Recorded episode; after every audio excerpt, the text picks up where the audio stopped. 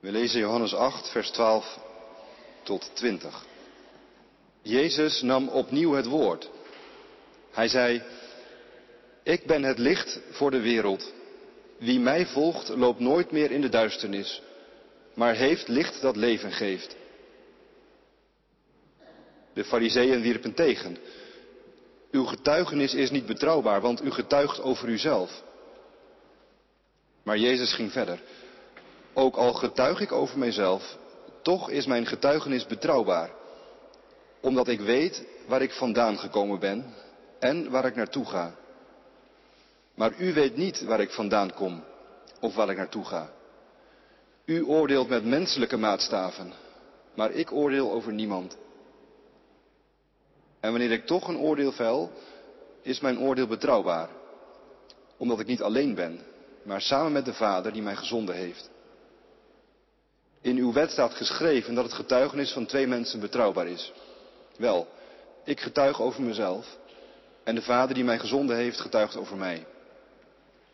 Toen vroegen ze, waar is uw Vader dan? U kent nog mij, nog mijn Vader, antwoordde Jezus. Als u mij zou kennen, zou u mijn Vader ook kennen. Dit zei hij in de schatkamer van de tempel waar hij onderricht gaf. Niemand greep hem, want zijn tijd was nog niet gekomen. Tot zover de lezing uit de Heilige Schrift. Dit is niet zomaar een woord, dit is het woord van God, dit is uw leven. Halleluja. Amen. Gemeente van onze Heer Jezus Christus, toen ik deze preek voorbereidde, viel het licht van de zon mijn studeerkamer binnen. Het was een heel mild en vriendelijk licht. En het schonk mij moed en vreugde. Dat is wat licht met een mens kan doen. Dat herkent u ongetwijfeld. Licht is een bron van vreugde. Daar knap je van op. En dat licht dat mijn studeerkamer zo genadig binnenviel, terwijl ik over de schriften gebogen was, werd voor mij tot een gelijkenis. Het werd een gelijkenis van de dingen waar het vanmorgen over gaat. Want Jezus zegt, ik ben het licht voor de wereld. En wie mij volgt, loopt nooit meer in de duisternis. Maar die heeft het licht dat leven geeft. Van dit licht wil ik vanmorgen hier getuigen. En ik hoop het dus zo te zeggen dat het licht dat Jezus Christus is ook stralend over ons opgaat vanmorgen. Dat u en ik, dat wij ervan opknappen en met nieuwe moed de week ingaan. Ik vroeg me af hoe ik dat zou kunnen bereiken. En toen dacht ik, ja, ik kan dat eigenlijk alleen maar doen door u en mezelf te verwijzen naar dat licht. Johannes zelf doet het ook in zijn evangelie. Hij schrijft, Johannes kwam als getuige om van het licht te getuigen, opdat iedereen door hem zou geloven. Hij was niet zelf het licht, maar hij was er om te getuigen van het licht. Het ware licht dat ieder mens verlicht en naar de wereld kwam. Nou, dat doe ik dus vanmorgen. Ik verwijs u en jou naar Jezus Christus. Opdat u in Hem gelooft. Wie is Jezus? Het antwoord is zonneklaar. Ik ben het licht der wereld, zegt hij. En ik wil vanmorgen met u proberen te zien wat dat betekent. Dat is mijn bescheiden taak en ook mijn blijde dienst. Johannes zegt ergens, ik ben de vriend van de bruidegom. En die vriend die staat te luisteren en is blij als hij de stem van de bruidegom verneemt. Zo luisteren wij vanmorgen naar de stem van Jezus. En Johannes zegt, opnieuw neemt hij het woord. Voor de meeste van jullie hier is het niet voor het eerst dat je hier bent. Het is ook niet voor het eerst dat je de stem van Jezus hoort. En toch, elke keer als Hij zijn stem verheft, is het weer nieuw. Want Gods goedheid is elke morgen nieuw. En als wij dan vanmorgen luisteren naar wat Hij zegt, wanneer Hij het woord neemt, wanneer Hij zijn stem verheft, dan doet Hij dat met een, een kracht, met een stille kracht, die alle duisternis die ook in ons hart zo zwaar kan zijn, verdrijft. Johannes zegt zelfs even hiervoor in hoofdstuk 5 dat Jezus een stem heeft die zelfs doden tot leven wekt. Het is de stem van Jezus die Lazarus uit zijn graf roept. Zo kan Jezus ook vanmorgen mensen uit het graf van hun eenzaamheid tevoorschijn roepen. Voor zijn aangezicht. En daar hoop ik op. Die stem van Jezus, waar klinkt die? Daar moeten we ook even op letten. Aan het eind lazen wij dat Jezus deze dingen zegt in de schatkamer van de tempel. Daar geeft Jezus onderwijs. In de schatkamer van de tempel, dat wil zeggen in het huis van God. En nog wel in een gedeelte dat voor iedereen toegankelijk is. Zoals ook dit kerkgebouw voor iedereen toegankelijk is. Je kunt hier zomaar binnenlopen. Niemand die je iets vraagt of een toegangsbewijs eist. Je bent welkom in het huis van de Heer. En daar spreekt Jezus dus. Niet in de beslotenheid van een, van een gezelschap. Niet in de kring van ingewijden. Maar in alle openbaarheid. Ten aanhoren van iedereen die maar bereid is om naar hem te luisteren. En daar is Jezus ook op zijn plek, in het huis van zijn vader. Daar is hij de gastheer, die uit de voorraadkamer oude en nieuwe schatten tevoorschijn haalt. En de schat die Jezus vanmorgen naar voren haalt is dat hij zegt wie hij is. Ik ben, zegt Jezus. Die uitspraak klinkt een aantal keer in het evangelie van Johannes. Ik ben het brood des levens, zegt Jezus. En ook, ik ben de wijnstok. Ik ben de weg en de waarheid en het leven. Ik ben de opstanding. En vanmorgen zegt hij dus, ik ben het licht der wereld. Dat ik ben, dat is een woord dat je even moet proeven.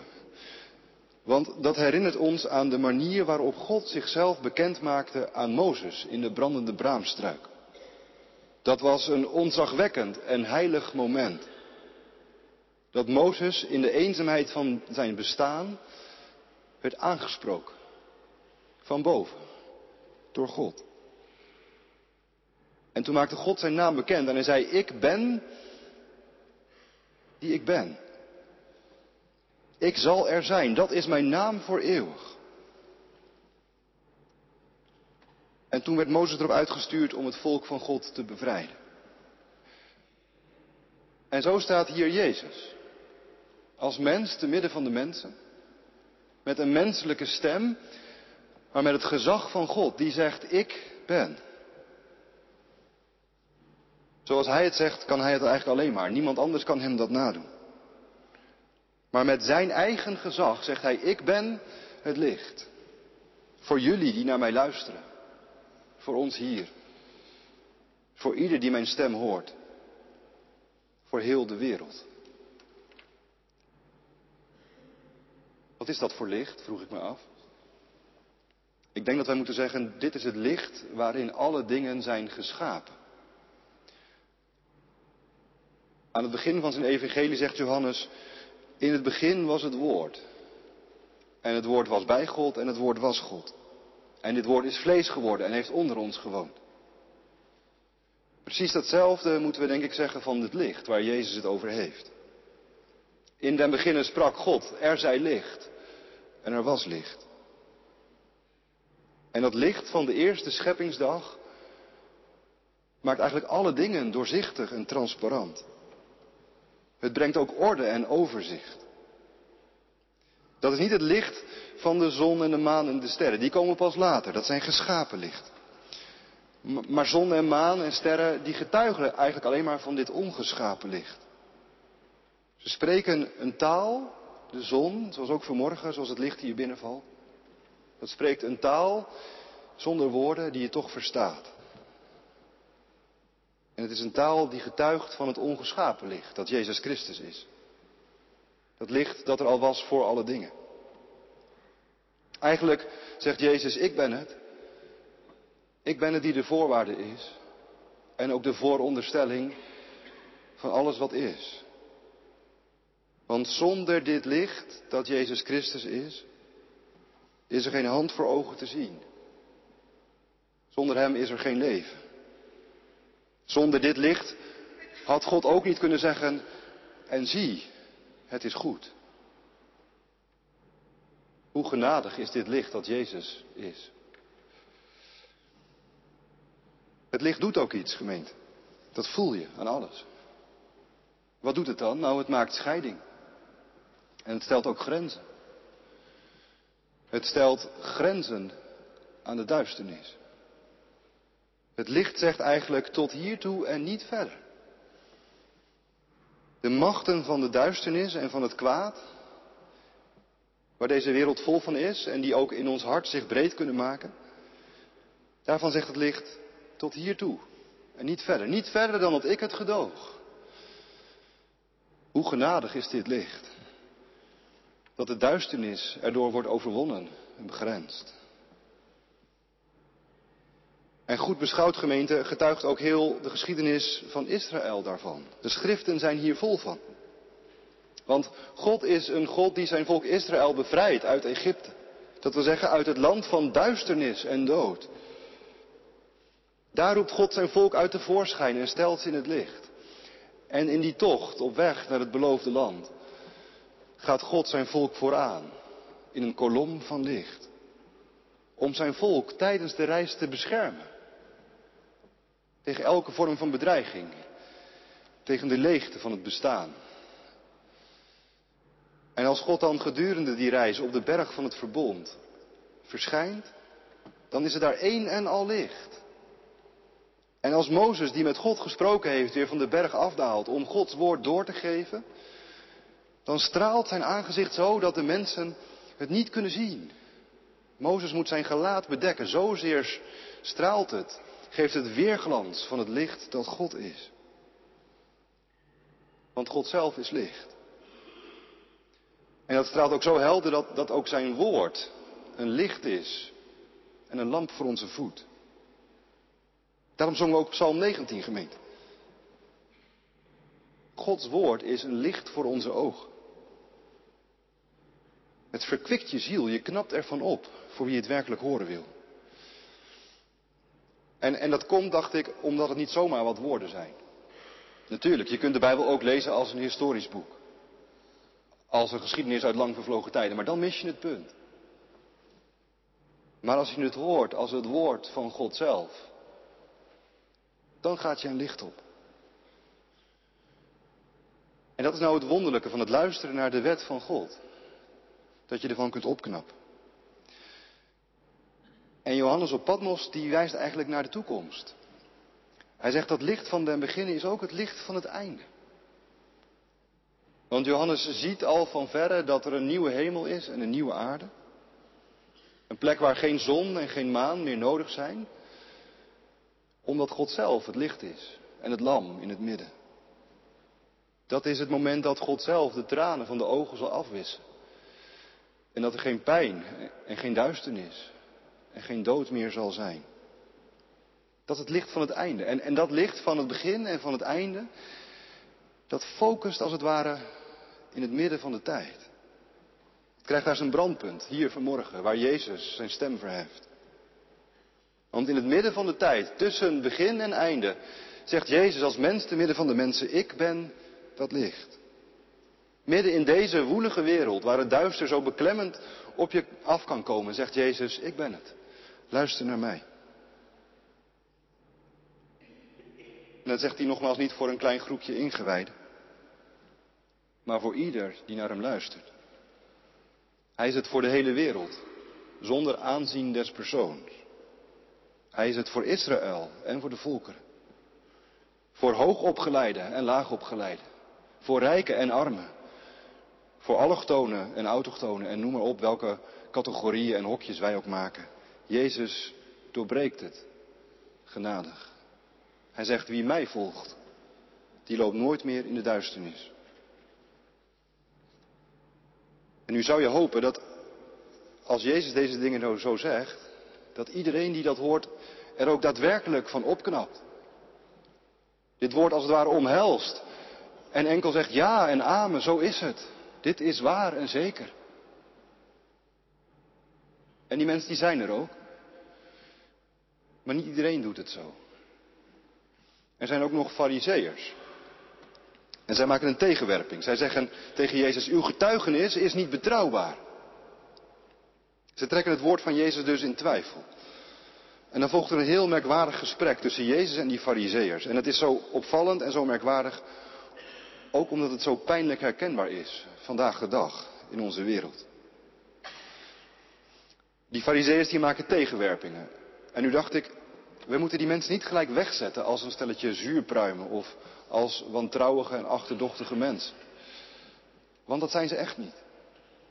Nee, wat zij inbrengen tegen Jezus, dat heeft iets heel redelijks. Ze zeggen tegen Jezus, u getuigt alleen van uzelf. En daar hebben ze een zekere argwaan bij. Die fariseërs, dat zijn mensen die weten, pas op voor de grote ego's. Pas op voor mensen met hun dikke ik. Hoed je voor hen. Zij zeggen, er zijn er, het verhaal is pas betrouwbaar als er meer zijn die het bevestigen. En je hoopt eigenlijk dat er in onze tijd en in ons land meer van zulke fariseërs zouden rondlopen. Van die nuchtere mensen. Die niet zoveel op hebben met die opgeblazen ego's. Die allemaal dingen roepen, ook los van de feiten.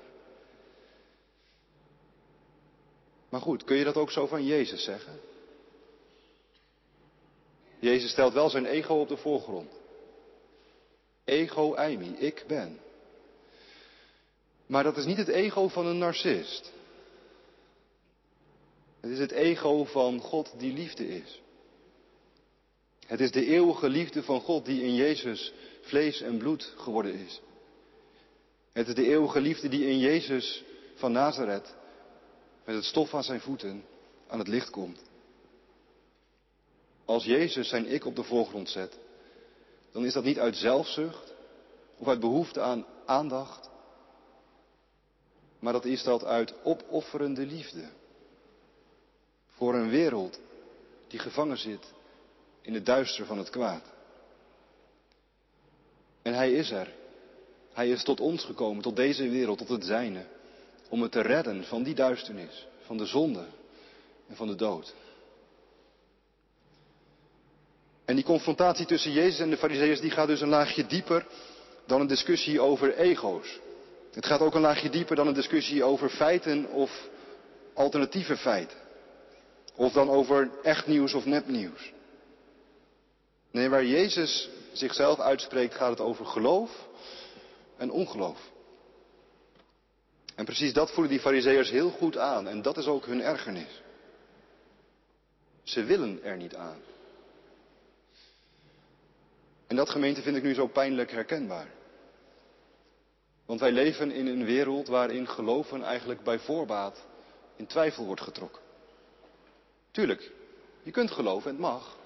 En, en sommigen zijn ook weer op zoek, het is interessant.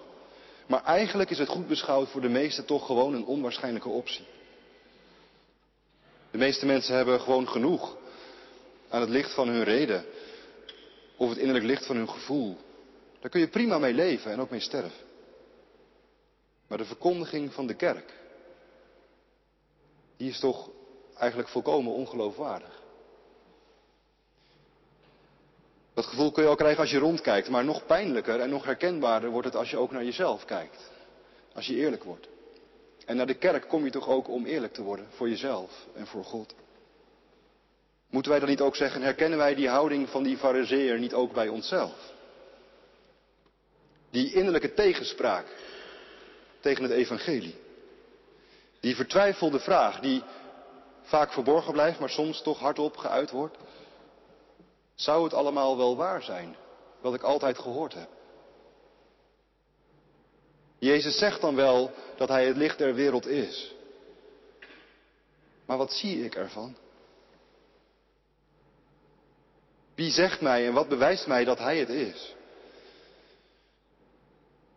Heb je daar nooit last van? Ben ik de enige? Dat je er last van hebt dat, dat je geloof zo onbeschermd in deze wereld staat. Zo schijnbaar ongeloofwaardig. Zo kwetsbaar. Zo vatbaar ook voor tegenspraak. Dan zit je achter je bureau in het licht te baden en je bent bezig met de schriften. Maar zou het echt? Nu zou ik kunnen zeggen als een soort troost tegen u en tegen mezelf. Nou, als je daar nou last van hebt, van zulke vragen en ze kwellen je, dan is dat misschien wel een teken van geloof. Dan is dat een teken van betrokkenheid op de zaak van het evangelie. Dan ben je tenminste niet helemaal los van Jezus. Want laten we eerlijk zijn, wie totaal onverschillig is over het evangelie en over Jezus, die stelt zich zulke vragen niet. Die twijfelt ook niet. Je hebt pas iets om te twijfelen als er ook iets is dat zeker is. Maar ja, hoe hou je het daarmee uit, hè? Het is natuurlijk een beetje een schrale troost. Wie houdt het zijn leven lang vol in de vertwijfeling? Laten we nog één keer op Jezus letten. Hij wordt tegengesproken. Zijn zelfgetuigenis wordt in twijfel getrokken. Het wordt betwist, ontkend. En ze werpen Jezus voor de voeten, die fariseërs, dat zijn getuigenis onbetrouwbaar is. Want hij heeft alleen zijn eigen woord. Dat is Jezus ten voeten uit. Hij is het. En hij heeft alleen zijn eigen woord. Hoe reageert Jezus daarop? Mij viel het op, gemeente, dat Jezus eigenlijk niet zoveel doet om die situatie te veranderen. Ja, hij zegt wel iets terug, maar hij laat het eigenlijk bestaan. Jezus gaat niets bewijzen of ontkrachten. Voor hem is het genoeg dat zijn hemelse vader achter hem staat. Jezus weet, de vader staat achter mij. De vader getuigt van de zoon, zoals de zoon getuigt van de vader. De zoon openbaart wie de vader is. En de vader openbaart zijn zoon aan deze wereld. En dat is genoeg. Dit geheimenis is genoeg. Ook voor Jezus. Hij wil enkel en alleen op zijn woord genomen worden. Zijn woord vraagt om geloof alleen. Enkel en alleen geloof. En Luther zegt dan, zoveel als je gelooft, zoveel heb je ook. Ik weet niet hoe u dat hoort, maar ik vind dat geweldig troostend en ook bevrijdend. Want onze ergernis, mijn ergernis, onze twijfel, zelfs ons ongeloof, die veranderen helemaal niets aan de werkelijkheid en de waarheid van dit geheimenis. Die veranderen niets aan het feit dat Jezus het licht der wereld is. Jezus zegt, ik weet waar ik vandaan kom. En ik weet waar ik naartoe ga. Ik kom bij de Vader vandaan. En ik ben op weg naar het kruis. Om daar alle duisternis en dood weg te dragen. En dat is genoeg. Voor wie het horen wil. Zijn licht overwint. Dus voor Jezus gemeente is het genoeg dat zijn vader achter hem staat. En voor ons hebben wij, heeft u, heb jij genoeg aan zijn woord? Nog één ding tenslotte, want dat hangt er wel van af hoe je Jezus ziet. Dat is wat Jezus wel zegt. Hij zegt, zolang, zolang jullie mij beoordelen met menselijke maatstaven, zullen jullie ook niet zien wie ik ben. Dan blijft het dus ook donker in je hart en in je leven. Dan blijf je dus ook in het duister van de zonde. Jezus veroordeelt ons daar niet om, nee. Dat doen we zelf. Jezus zegt hij is juist gekomen niet om de wereld te veroordelen, maar om haar te behouden. Wanneer wij Jezus nemen op zijn woord, op het woord dat hij spreekt, op het gezag van de Vader en het innerlijk getuigenis van zijn geest, dan gaan we het zien. Met de ogen van het geloof. Dan gaat het licht dat Jezus is stralend over je op. Nog veel stralender dan het licht dat hier zo lieflijk naar binnen valt door deze mooie ramen. Dan baden wij in het licht van Gods liefde. Dan worden echt alle dingen nieuw. Dan wordt ook alles een gelijkenis van meer dan aards geheimenis. Het licht van een studeerkamerraam, het licht van een kerkraam. Het is allemaal een gelijkenis. Om van te getuigen, om van te zingen. Laten we dat maar doen. Mijn licht, mijn heil is Hij, mijn God en Heere. Wie het ziet, die ziet het. Lof zij u Christus. Amen.